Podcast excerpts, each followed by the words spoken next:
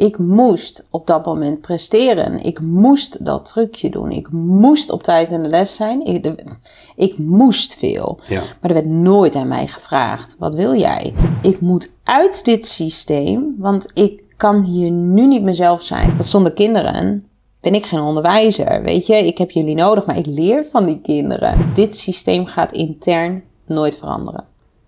Van binnenuit ga je dit niet oplossen. Nee. Dit moet zelf imploderen. Mensen vragen waarom werk je bijvoorbeeld met pubers? Ze zijn hilarisch. Ik ben vandaag in Nieuw-Amsterdam. En dat klinkt alsof het in Noord-Holland is. Dat is het niet. Het ligt eh, vlakbij Emmen. En ik ben op bezoek bij Willemijn van Brenk. Hi, Dankjewel dat ik hier mag zijn. bedankt dat je er bent. Ik voel me enorm welkom. Ik werd gelijk eh, warm onthaald met lunch en eh, warme drankjes. ja. En ik ben naar je toegekomen omdat ik jou vorige week op een Telegram kanaal voorbij zag komen met een filmpje wat je gemaakt had op TikTok. Ik kende jou niet. Ehm, en in dat filmpje, nou vertel het zelf. In dat filmpje deed je een, een grote aankondiging.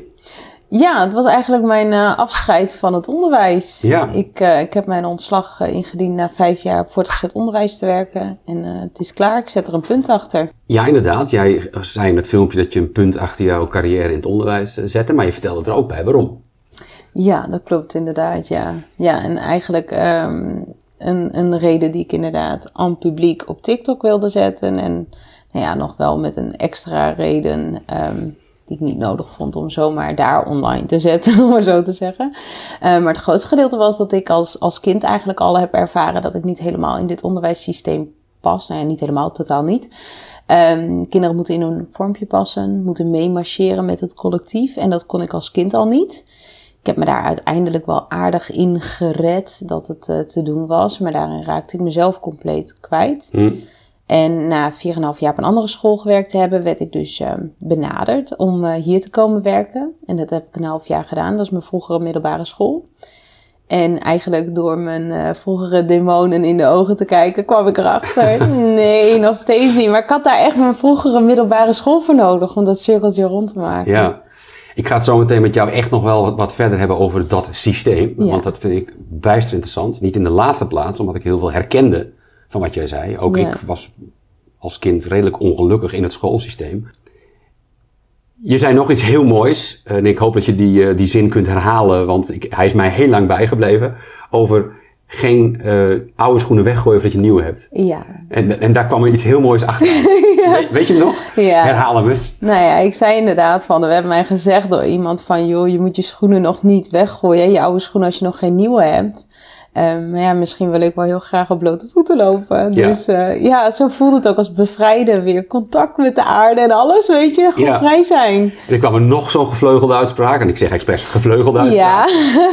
Doen we maar. nou ja, ik zei ook, ik duik in diep, hè. Maar eh, voordat ik de bodem raak, sla ik mijn vleugels uit en ehm, ga ik vliegen. Ja, ja. En ehm, je- dat filmpje triggerde mij enorm. Ik heb eh, direct contact met je gezocht. Nou, alsof, alsof het zo bedoeld was. Volgens mij binnen 30 seconden reageerde jij. Ja. Ik echt dacht, hoe kan dat nou? Want ik gooide in, in een openbare groep gooide ik de, de vraag... Wie kent deze dappere dame? En net op dat moment opende ik Ja. Telegram en keek ik bij de reacties. Ja. Bestaat toeval? Nou, nee. Ik denk het ook niet. Nee. Hey, en de rest is history. Ik, ik moet tot mijn, eh, tot mijn eh, schaamte bekennen, ik kende jou niet. Nou, dat is toch geen schaamte. Nee, maar het, het was ook eigenlijk wel leuk, want toen ik ehm, eh, ging kijken van, ja, maar wie ben jij dan? Toen kwam ik erachter dat jij al heel lang heel erg actief bent op TikTok. Als een soort TikTokkende docent. Vertel daar eens wat over. Ja, het begon inderdaad in eh, een van de, van de lockdowns. Volgens mij de eerste of zo. Dat ik dacht van, nou, wij, eh, we gaan eh, video's opnemen in, in de klas. Ja, het begon een beetje met, met de vorige school die dan graag reclame wilde maken. En kinderen konden natuurlijk niet naar de open dag komen. Dus het begon met challenges, uitdagingen, leuke dingen op school met collega's en, en dat soort dingen, sketches. Maar heel gauw voelde dat niet als mezelf, weet je. En ik, ik wilde mezelf ook laten zien. Dus eh, heb ik stukjes in de les opgenomen en online gezet. En dat sloeg kennelijk aan. Kennelijk vonden mensen het leuk om te zien hoe ik met, mijn, eh, met de tieners omga. Met, Ja. met de jeugd of zo. Ja, want tot mijn grote schrik, ik dacht dat wij eh, eh, destijds met filmpjes die ik online slingerde, zowel op mijn eigen kanaal als op een ander kanaal, dat wij wel eens succesvol waren. Maar hoeveel volgers had jij? Of heb jij? Nou, het zakt nu, omdat ik dus nu ehm, gestopt ben en Ja, eh, ja. mijn mening duidelijk online verkondig. Ja, dus ja, word je wel op de vingers getikt, wordt Ja. gelijk eh, bestraft. Maar weet je, ik vind het niet erg, maar ik geloof dat ik nu iets van 193.000 volgers heb op TikTok. Ja, Kijk, en het, het, het aantal zegt mij niks, want het, het streelt mijn ego niet. Het voedt mijn ego niet. Ik vind het zelfs heel verbazingwekkend dat zoveel mensen überhaupt mij wilden volgen. Dat kan ik nog steeds niet bevatten. Ehm, maar ik denk, joh, weet je, ik bedoel, ik ga het onderwijs uit en mensen volgen mij mijn filmpjes in de klas. Nou, die filmpjes komen gewoon niet meer. nee.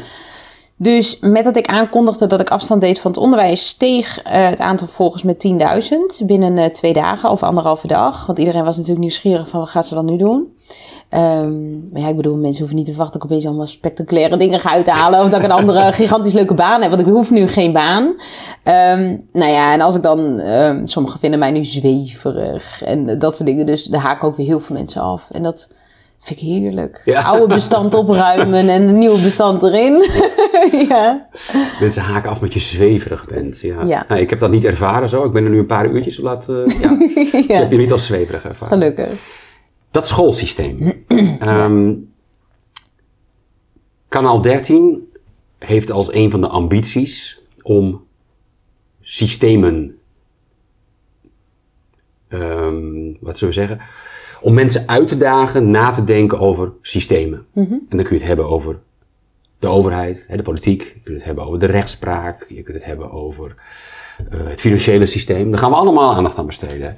Eh, onderwijs stond heel hoog op ons lijstje, omdat, eh, omdat ik vanuit eigen ervaring, maar ook de ervaring die ik met mijn eigen puberdochter, tienerdochter, sorry Floor, met mijn eigen tienerdochter nu heb, dat ik ervaar dat er van alles rammelt aan het schoolsysteem. Ehm, dus jouw filmpje kwam echt als, als, nou ja, als een must voor mij om te reageren. ik denk, ja, deze dappere dame wil ik dan wel eens uithoren. Wat is het dat jou heeft doen besluiten om die knoop door te hakken? Ehm, nou ja, nu, nu was het ook de vijandigheid van mijn collega's. En ik denk dat dat, ook de reacties daarna van sommige leerlingen van de school waar ik weg ben gegaan. ehm, eigenlijk staan die voor mij symbool voor hoe het gaat. Want ik ging op werk bijvoorbeeld helemaal geen eh, discussies aan. Als collega's mij vertelden dat zij op skivakantie waren geweest of een booster hadden gehaald. Of, weet je, ik ben dan oprecht blij voor ze, want zij waren blij. Dus dat voel ik dan ook. Ja, Eh, ik maak mijn eigen keuzes en zij maken hun keuzes en dat is oké. Ehm, maar zij zagen mijn filmpjes online met mijn mening en hoe ik naar dingen keek. En er is gewoon in dat systeem geen ruimte eh, voor een andere mening, voor een tegengeluid. Dat, wordt, ehm, dat tegengeluid wordt uitgekotst en Mm. collega's werden vijandig. Ehm, er hing een heel negatieve sfeer. Mensen praten over mij en ehm, de collega's kwamen zelfs bij elkaar het lokaal binnen, waar leerlingen bij zaten om over mij hardop te praten. Dat ik zelfs geen, dat ik een tijdelijk contract had en wat ik wel niet dacht dat ik dit durfde te zeggen. Kijk, dat is geen omgeving of energie waar ik in wil zitten. Nee. Maar het staat voor mij wel symbool hoe dit systeem is. Weet je, er heerst een collectief van D66, CDA, VVD. Dat is exact waarom ik ga. Want eh, school hoort een af, afspiegeling te zijn van onze maatschappij ja. waarin al die politieke partijen en alle denkwijzen worden vertegenwoordigd. Maar daar is geen ruimte voor. Nee. Ja, je zegt terecht dat school een, ehm, een afspiegeling moet zijn van, van, van de samenleving. En ik denk zelfs dat scholen helemaal buiten, hè, dus dan heb ik het over het schoolbestuur, over docenten, zich buiten die politiek moeten laten. Want anders krijg je al gauw een, ja, dan wordt het een indoctrinatiefabriek. Als je vanuit de docentenlaag de leerlingen gaat vertellen hoe ze moeten denken. Zo gaat het ook. Ja, Zo gaat het. zo gaat het. Als kinderen, eh, ik, ik hoorde van kinderen in de bovenbouw moesten dan een betoog schrijven over iets. Nou, dan moet je je eigen eh, standpunt innemen. Moet je standpunt eh, versterken met argumenten. En tegenargumenten moet je weer leggen. En dan mochten ze bronnen krijgen van de docent. En dan waren er alleen maar bronnen voor vaccinatie. Hm. Voor de maatregelen. Terwijl zo'n meisje dan zegt van, mevrouw ik kan mijn eigen bronnen ook vinden. Mag ik zelf wat vinden, weet je wel? Maar toen die docent hoorde dat dat juist, nou ja, niet voor de maatregelen was. En niet voor de vaccinatie. Toen mocht dat niet, Nee. weet je. Want daar mag niet over gesproken worden. Dit herken ik trouwens wel. Ehm, een eh, schoolopdracht waar eh, stond betrouwbare bronnen zijn Volkskrant, uh, Algemeen Dagblad, Parool of zo, weet je wel. Uh, Bullshit. Werd, werd, ze verteld wat betrouwbare bron is. Ja. ja. en dat doet me altijd denken aan een uitspraak van, van een acteur in Amerika. Die zei, als je de krant niet leest, ben je niet geïnformeerd. Als je de krant wel leest, ben je eigenlijk verkeerd geïnformeerd. Ja. En daar doet het mij heel erg aan denken, weet je. Want die bronnen, hartstikke leuk. Maar het is eigenlijk gewoon een, een afspiegeling van wat de schrijver heel graag wil delen. En je, ik vind eigenlijk die dualiteit in alles heel mooi. Iets kan waar zijn en onwaar. Iets kan uh, goed en fout zijn tegelijkertijd, snap je? Dus... Nee, dat snap ik niet. Heb je een voorbeeld? Nou ja, als je bijvoorbeeld kijkt naar hoe bepaalde dingen belicht worden in de media, dan, dan is het net hoe je het bekijkt. Weet je, het is net van welke kant je het bekijkt. En, en sommige kranten vinden dat dan fijn, vooral voor mensen uh, bij de demonstraties, om het op een verkeerde manier neer te zetten. Terwijl als je het net van een andere kant bekijkt, uh, kan het eigenlijk heel positief zijn. Het is maar net hoe je iets. Je kunt gewoon dingen van meerdere kanten bekijken. Het is net hoe je het wil belichten. Hè? Ja. Het is net hoe je er tegenaan wil kijken. Terwijl ik juist dus die dualiteit in dingen heel erg mooi vind. Dat het niet alleen maar goed is. Of alleen maar fout. Of alleen maar slecht. Snap je? Dus dat je het van die meerdere kanten kunt bekijken. Dus ik vind dat leuk om met mensen te praten die anders denken dan ik. Ja. Houd me scherp. Ja, ja. Je, je, gaf net, uh, je schetst een situatie waarin je zegt van ja, weet je, ik kan blij zijn voor een ander. Ja. Omdat, omdat hij of zij blij is met een keuze of een gedachte. Uh, uh, maar je hebt dus ervaren dat dat wederzijds niet uh, aan de orde was. Nee. Dan heb je het heel specifiek over een, een, een, een situatie op die specifieke school die jou persoonlijk heeft geraakt. Maar je hebt het ook gehad over het schoolsysteem. In jouw filmpje had je het erover dat je als kind al ja. voelde dat je niet in het schoolsysteem thuis hoorde. Wat moet ik me daarbij voorstellen? Wat ik heb ervaren als kind is dat heel veel van mij verwacht werd, maar dat er heel weinig ruimte was voor wie is Willemijn. Ik moest op dat moment presteren. Ik moest dat trucje doen. Ik moest op tijd in de les zijn. Ik, ik moest veel. Ja. Maar er werd nooit aan mij gevraagd: wat wil jij? Want kinderen hebben die intrinsieke motivatie om te leren. Als je ze aangeeft van: goh, wat wil je leren? Willen ze echt wel leren. Ja. Het is, kinderen willen zich ontwikkelen. En eigenlijk zit dat ook nog wel in heel veel volwassenen. Alleen volwassenen zijn op een gegeven moment bevangen door het ego van ik weet alles wel. Dus dan stoppen ze met leren. Terwijl kinderen uh, zijn nog heel puur. Die willen zich ontwikkelen. Die drang is er. Ook om af te tasten en grenzen op te zoeken. Akkoord. Maar ook grenzen zijn heel persoonlijk. Dus het is gewoon heel belangrijk om je eigen grenzen aan te geven, andermans grenzen te respecteren. Maar bied kinderen ruimte om hun eigen leerproces in te gaan. En niet, weet je, niet altijd maar dingen moeten en vastzitten. En ik, ja, ik heb daar heel erg een, ook een identiteitscrisis door gekregen. Ook door gewoon moeilijke dingen in mijn jeugd. En mhm. dat kwam allemaal tegelijkertijd. En ik kon dat niet verwerken. En ondertussen moest ik heel veel. En dit, toen dacht ik echt van, waarom moet ik dit allemaal? Blijf van mij af. Weet je, waar doe ik dit dan voor? Waarom moet ik over die keizer leren? En... Geef, geef eens een antwoord op de vraag: waarom moet ik dit allemaal? Dat vind ik een interessante. Van, je bedoelt van de mensen in het schoolsysteem? Nou ja, kijk, het, het, niemand kan ontkennen dat de meeste schoolsystemen ingericht zijn om die hele klas in hetzelfde tempo, dezelfde stof naar binnen te drukken. En ze moeten zich aan dezelfde regeltjes houden. En ze hebben precies evenveel tijd voor muziek. Terwijl de een misschien wel vijf keer zo lang met muziek bezig wil zijn en de ander helemaal niet. Nee. Maar het is één eenheidsworst. Ja. Um, daar zal toch een reden voor zijn? Nou, ik zie het gewoon als uh, een manier om ons in de maat te laten marcheren. Om te zorgen dat wij zo op school geïndoctrineerd worden. Gewoon vastzitten in ik moet dingen en ik moet met een groep mee. Mm Dat als het aankomt op het volwassen leven, dat jij ook nog steeds zo bent. Niet ruimdenkend, niet ik ga zelf uh, mezelf ontwikkelen. Maar heel veel volwassenen zitten dus ook vast in dat patroon als iedereen rechtsaf gaat, ga ik ook maar rechtsaf, weet je.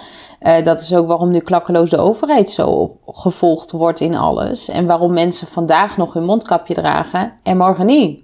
Want morgen is veilig. Ja, schijnbaar. ik weet het niet. um, ik heb dit wel eens aangekaart bij, uh, bij een school. Van waarom moeten alle leerlingen volgens dezelfde regeltjes en krijgen ze dezelfde strafjes. Terwijl als je vier jaar lang ziet dat een straf voor te laat komen niets oplevert, alleen maar meer frustratie geeft en heel veel tijd en energie kost. Mm -hmm. Waarom denken jullie niet na over maatwerk? Ik krijg dan het excuus, ja nee, dit is een scholenmaatschappij met anderhalfduizend leerlingen. We kunnen geen maatwerk leveren. Nee, daar is geen tijd voor. Daar hebben we niet genoeg personeel voor. En weet je, dat is wat ik heb ervaren. Ik ben, um, ik ben even kort bij huis gebleven. Toen ik even dacht van ik moet niet meer in deze negatieve energie zitten. Met al die collega's die zo rot doen tegen mij. Um, toen ben ik gaan nagedenken, wat vind ik leuk in mijn beroep? En wat ik leuk vind in mijn beroep is persoonlijke begeleiding, coaching, die persoonlijke ontwikkeling, die ontplooiing. Weet je, echt uh, nagaan. Wat heeft dit kind nodig om mhm. sterker in het leven te staan? Wie is um, de persoon? Hè? En, en uh, hoe kan ik diegene liften en zorgen dat hij in zichzelf gelooft? Maar daar kreeg ik geen tijd voor, want ik had mijn curriculum en ik moest me aan het lesprogramma houden. Dus ik had daar helemaal geen tijd voor. Je zit vast in het systeem met dit lijstje moet je afwerken, want de kinderen moeten al deze informatie meekrijgen. Terwijl als je nagaat wat de echte leerlijn is, wat vanuit de overheid eigenlijk wettelijk verplicht is om op te leggen, hè, van dit hoor je te, te onderwijzen, is dat een fractie van wat we aanbieden. Het hoeft allemaal niet. Het is puur les, gewoon opvulling. Het is overdaad. Het is heel veel overdaad. Ja. Dan blijft mijn vraag, waarom is dat? Wat zit, wat zit daar dan achter? Het, kan toch niet zo zijn dat ze die kinderen bewust vijf dagen in de week een soort bezigheidstherapie geven? Nou, zo voelt het. Bezigheidstherapie, maar ook gewoon um, afdwingen wat jij zegt met je moet zo laten zijn, anders heeft dat consequenties. Want eh, stel dat je dat één keer door de vingers ziet bij iemand, dan gaan al die 1100 leerlingen dat doen, denken ze. Ja. Maar dat is heus niet zo, weet je. En als je kinderen van begin af aan een vrije omgeving biedt, dat zij, uh, want ik heb ook schoolgidsen gelezen van scholen waar ze dat dus doen. Kinderen ook in de natuur dingen laten leren en mm zich laten ontwikkelen. Leren ze ook tuinbouw en, en kassenbouw en geweldig, weet je, het land op en echt de nuttige dingen leren. Ik, ik kreeg dat vroeger op school. Voortgezet onderwijs gingen wij gewoon biologie naar buiten. Uh, composthopen, moestuinen en dat soort dingen uh, opzetten. Is Had mij geweldig gelegen. Is dat helemaal niet meer, nee? Nou, niet dat ik weet. Een enkele docent zal dat heus nog wel leuk vinden. En een docent biologie gaat waarschijnlijk echt wel een keer met de kinderen naar buiten om wat plantjes te zoeken. Of om een testje te doen met, met die drukken, die snelheid en weet ik wat allemaal. dat is leuk. Maar, um... Even over onderwijs gesproken. ik, heb, er mijn kleding op aangepast. Ja, toepasselijk inderdaad. Scheikundige elementen. Speciaal voor jou aangetrokken. niet mijn vakgebied. Ik was hier heel slecht in. Ja. kon niet ik het vallen. Maar, uh, maar dit staat je goed. Dank je, dank je. het is bizar, weet je. Ik, ik vind het bizar, maar het is echt kinderen... Um, ja, eigenlijk... Ja, zorgen dat dit in hun, hun systeem vast komt te zitten. Luisteren, uh, gehoorzamen, meemarcheren. Uh, Kijk, maar wat ik merkte bij mijn collega's, vooral de laatste school waar ik heb gewerkt, is uh, orde en tucht. Ja.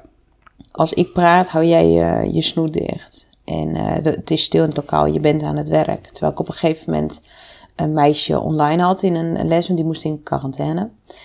En ik vroeg aan haar, ik zeg, joh, weet je, wij zitten nu de hele tijd dom naar elkaar te kijken op de camera en jij bent met je werk bezig, maar vind jij het niet leuk om even uh, je vriendin die achter in het lokaal zit te videobellen? Want dan kun je met haar samenwerken en overleggen. Dat meisje moest bijna huilen, van geluk. Die had de hele dag nog geen klasgenoot gesproken. Nee. Geen docent biedt dat aan. Bij mij werd er muziek gedraaid in het lokaal en uh, waren we ondertussen aan meezingen en uh, een beetje aan dansen en wiebelen. En de kinderen die dat niet fijn vonden, mochten in de studieruimte zitten. Maar dan had ik regelmatig een collega verderop uh, in de gang. Die kwam dan even als een of andere afgekeurde boswachter kijken van waar komt dat lawaai vandaan.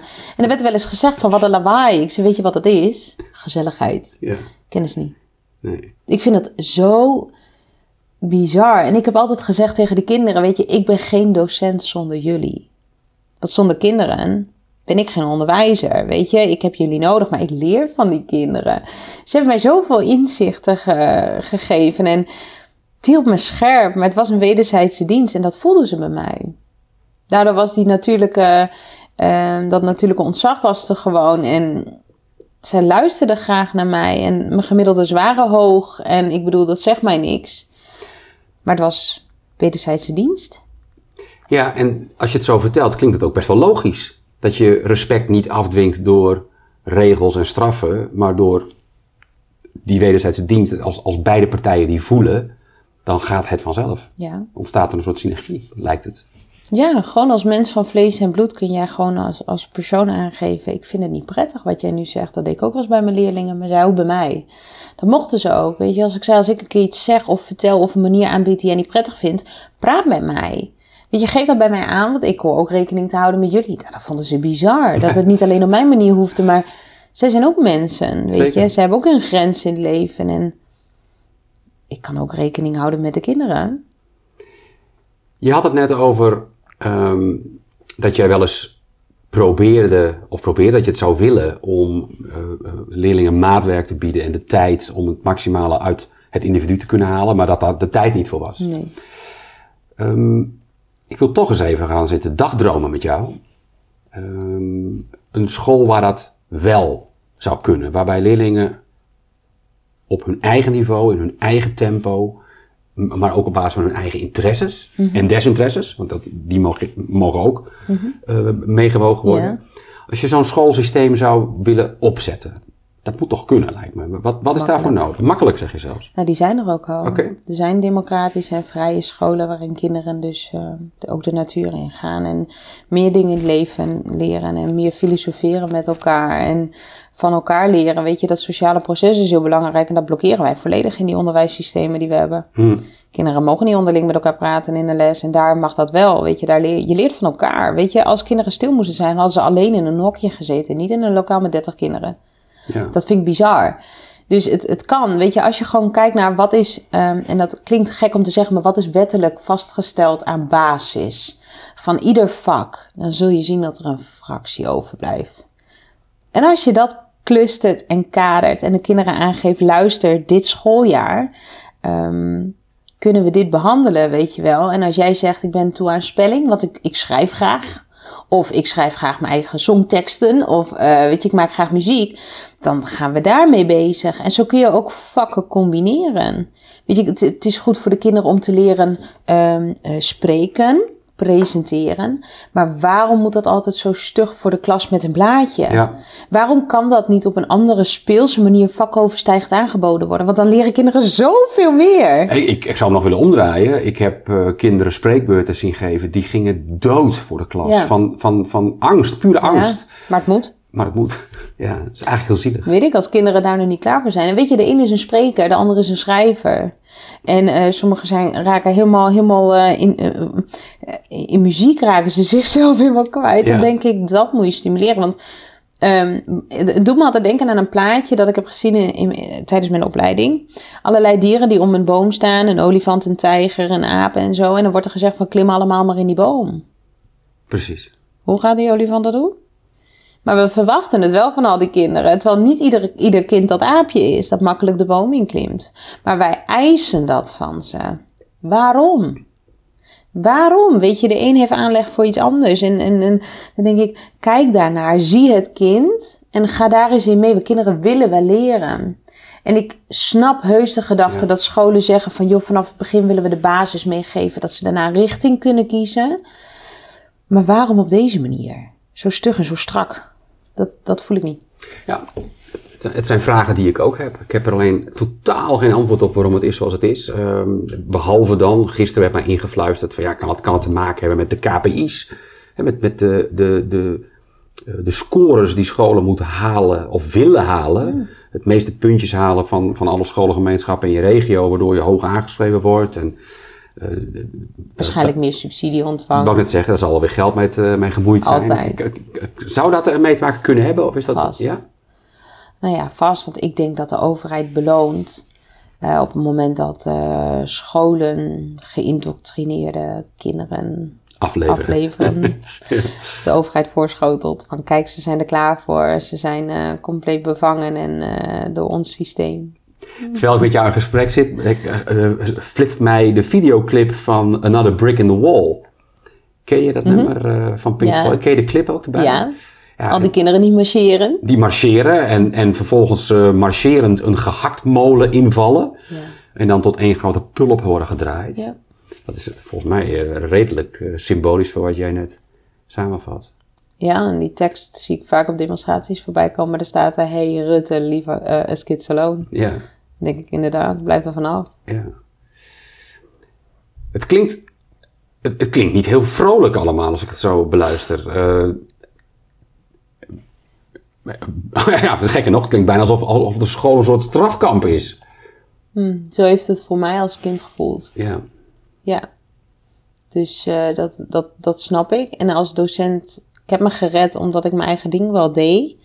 Ehm, maar ik, ik, als, ik dan, als ik dan kinderen zie huilen omdat ze een twee of een drie hebben gehaald voor een vak en dan zichzelf daardoor helemaal afkeuren, Mhm. dan denk ik dat jij bent dat cijfer niet. Nee. Weet je, die gesprekken heb ik heel vaak met de kinderen gehad. En ze zeggen, ja, maar dan blijf ik straks zitten. Nou en, Ja. kalm. Weet je, dit bepaalt niet wie jij als mens in essentie bent. En als ik die gesprekken met ze had, dan kwamen ze weer een beetje tot op adem. En dachten ze van, oh ja, komt door mezelf. Klopt, dit bepaalt niet wie ik ben als mens. Ik dit bepaalt alleen of jij een trucje kunt. Ja. Twee vragen branden me nog op de lippen. Jij geeft aan dat je school zelf vroeger als een, tra- een strafkamp hebt ervaren en doodongelukkig was. Toch ben je het onderwijs ingegaan. Ja. Wat bezielde je?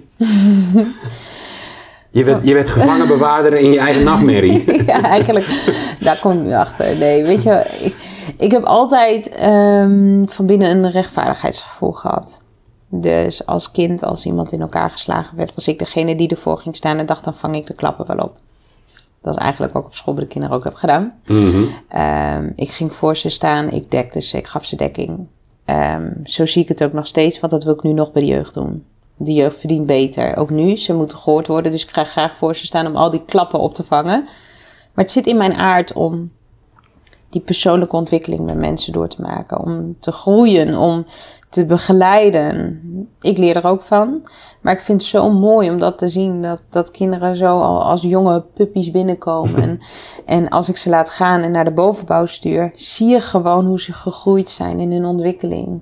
In hun denken. Maar ook in, in natuurlijk lichamelijk. Maar ik vind het prachtig. Weet je, maar ik heb wat met de jeugd. Want ik voel dat daar onze kracht gewoon zit. Ja. Dus ja, ik weet niet, weet je. En misschien diep van binnen het gevoel gehad van, weet je, wat mij is aangedaan, wil ik bij anderen voorkomen, weet je. En dat kan niet. Hmm. Ik kan niet iedereen redden. En mensen die nu tegen mij zeggen van, oh, je mag het onderwijs niet uit, want jij was de reddende engel. Dan denk ik, ik werk op één school in Nederland. Ik kan niet dit systeem veranderen, want dit systeem gaat intern nooit veranderen. Van binnenuit ga je dit niet oplossen. Nee. Dit moet zelf imploderen. En er ontstaan nieuwe systemen daarnaast. Die tweede vraag die je op de lippen brandde, dat was dat ik jou gaandeweg hoorde vertellen toen ik zei van ja, weet je, waarom kies je... Of nee, er zijn, eh, er zijn geen scholen die aansluiten bij jouw eh, fantasieën en gedachte-experimenten. Zeg je, die zijn er wel. Want Ja. vrije scholen, daar, Ja. daar hebben, het lijkt wel meer op hoe jij het zou willen. Ja. Maar jij bent nu heel rigoureus uit het onderwijs gestapt. Ja. Je had er ook voor kunnen kiezen om op een vrije school les te gaan geven. Ja, en dat wordt nu ook heel vaak aan mij gevraagd. Maar ehm, kijk, weet je, mijn... Ja, ook door mij nu. Ja, en dat is oké, want ik snap dat. Want je komt uit een eh, systeem en mensen denken dan van... Goh, weet je, er is een soort gelijk iets. Vind je dat dan niet prettiger? Ik merk dat ik er even helemaal van weg wil Hmm. blijven. En mijn collega's organiseerden een poëziewedstrijd. En die, die werden zo gelukkig. Hoe ik het wil noemen, kan ik niet zeggen zo. Ehm, een beetje grof gewekt, maar... ehm, dus ik verwoord het anders. Maar die werden dolgelukkig. Oh, weet je wel, helemaal dat. En ik keek ze aan en ik dacht echt, wat zijn dat voor rare wezens? En toen dacht ik, huh, ik vind dit helemaal niet leuk. Wat doe ik? Ik vind Nederlands vet interessant. Ik vind het een leuke taal. Het houdt me bezig. Altijd als ik weer iets, iets ontdek, denk ik, oeh, hoe zit dat? En dan ga ik het opzoeken. Pak ik, eh, pak ik een boek erbij of pak ik eh, Google erbij. Maar ik wil dit niet meer. En dan zeggen ze, kun je niet een ander schoolvak doen? Nee, want ik voel aan alles. En ik koers nu echt op mijn intuïtie, mijn gevoel, mijn geloof. Ik moet uit dit systeem, want ik kan hier nu niet mezelf zijn. En of dat nu dat systeem is of een parallel systeem, een andere, Mhm. andere onderwijssetting. Ik moet eruit. Want ik voel dat ik een taak wel heb te verrichten bij de jeugd. Ehm, maar niet op dit gebied. Weet je, dus toen jij mij eh, vertelde over kanaal 13, dacht ik, "Ah, dit trekt mij. En zo heb ik nog een gesprek gehad deze week met, met een organisatie voor jongeren, dat ik denk, ja, weet je, hier ehm, eh, ben ik nu nodig. Ja. Ja, nou, laat ik het dan maar gelijk verklappen. Want behalve dit gesprek hebben we ook Ja. gesproken over een initiatief wat we bij kanaal 13 al langer ambiëren. Ja, Dat is namelijk ehm, een programma voor de jeugd. Een kinderprogramma gaan we al doen. 1 Ja. plus 3 is 13. Ja. Eh, maar we willen ook voor de jeugd, dan heb je het echt over de jeugd die naar het voorgezet onderwijs gaat, jouw doelgroep. Ja. Daar willen we ook een programma voor maken, waarbij we in eh, eh, een, een ontspannen setting die jongeren gaan prikkelen en uitdagen om kritisch te denken over zaken die ze wellicht totaal vanzelfsprekend zijn gaan vinden. Ja. Bijvoorbeeld, hoe gaan de dingen op school? Waarom doe je wat je doet? Eh, waarom eh, eh, krijg je de straf die je krijgt? Nou, dus daar Ja. hebben we het net over gehad, over dat idee. En volgens mij zijn we allebei hartstikke enthousiast. En gaan we daar gewoon mee aan de slag. Ja.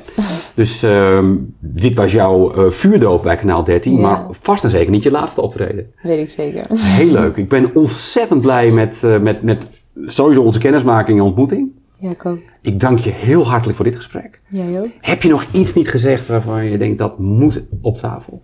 Ehm, ik weet niet. Weet je, als je kijkt naar hoe, hoe de coronacrisis gaat. ehm, dit is waarom mijn focus op de jeugd ligt. Want ik heb die jonge mensen heel vaak gesproken. Mensen vragen waarom werk je bijvoorbeeld met pubers? Ze zijn hilarisch. Nee, maar ze zijn geweldig. Ze hebben zo'n gekke denkwijze soms. En ehm, een totaal eigen visie op alles. En in dit systeem wordt die eigen visie vermorseld. Ja. Dus ehm, Maar voor deze doelgroep is het nog net niet te laat. nee, daarom. Dus ik Ja. denk dat de oplossing voor ons in deze stront, in deze shit in de maatschappij, denk ik dat, het, eh, dat de oplossing bij, bij de jeugd ligt. En daarna bij de, bij de nieuwe jonge, frisse generatie die erachteraan komt. Weet je, de pure tere zieltjes die daar nog zitten. Dus ehm, ik focus me heel graag op de jeugd. Leuk. Zij verdienen het. Leuk. Ja, Wij geven je graag een podium. dank je. En eh, nogmaals hartelijk dank voor dit gesprek. Jij ook? Ik zie je graag heel snel terug. Ja, heel graag. En voor iedereen thuis, dankjewel voor het kijken. Dit was Willemijn.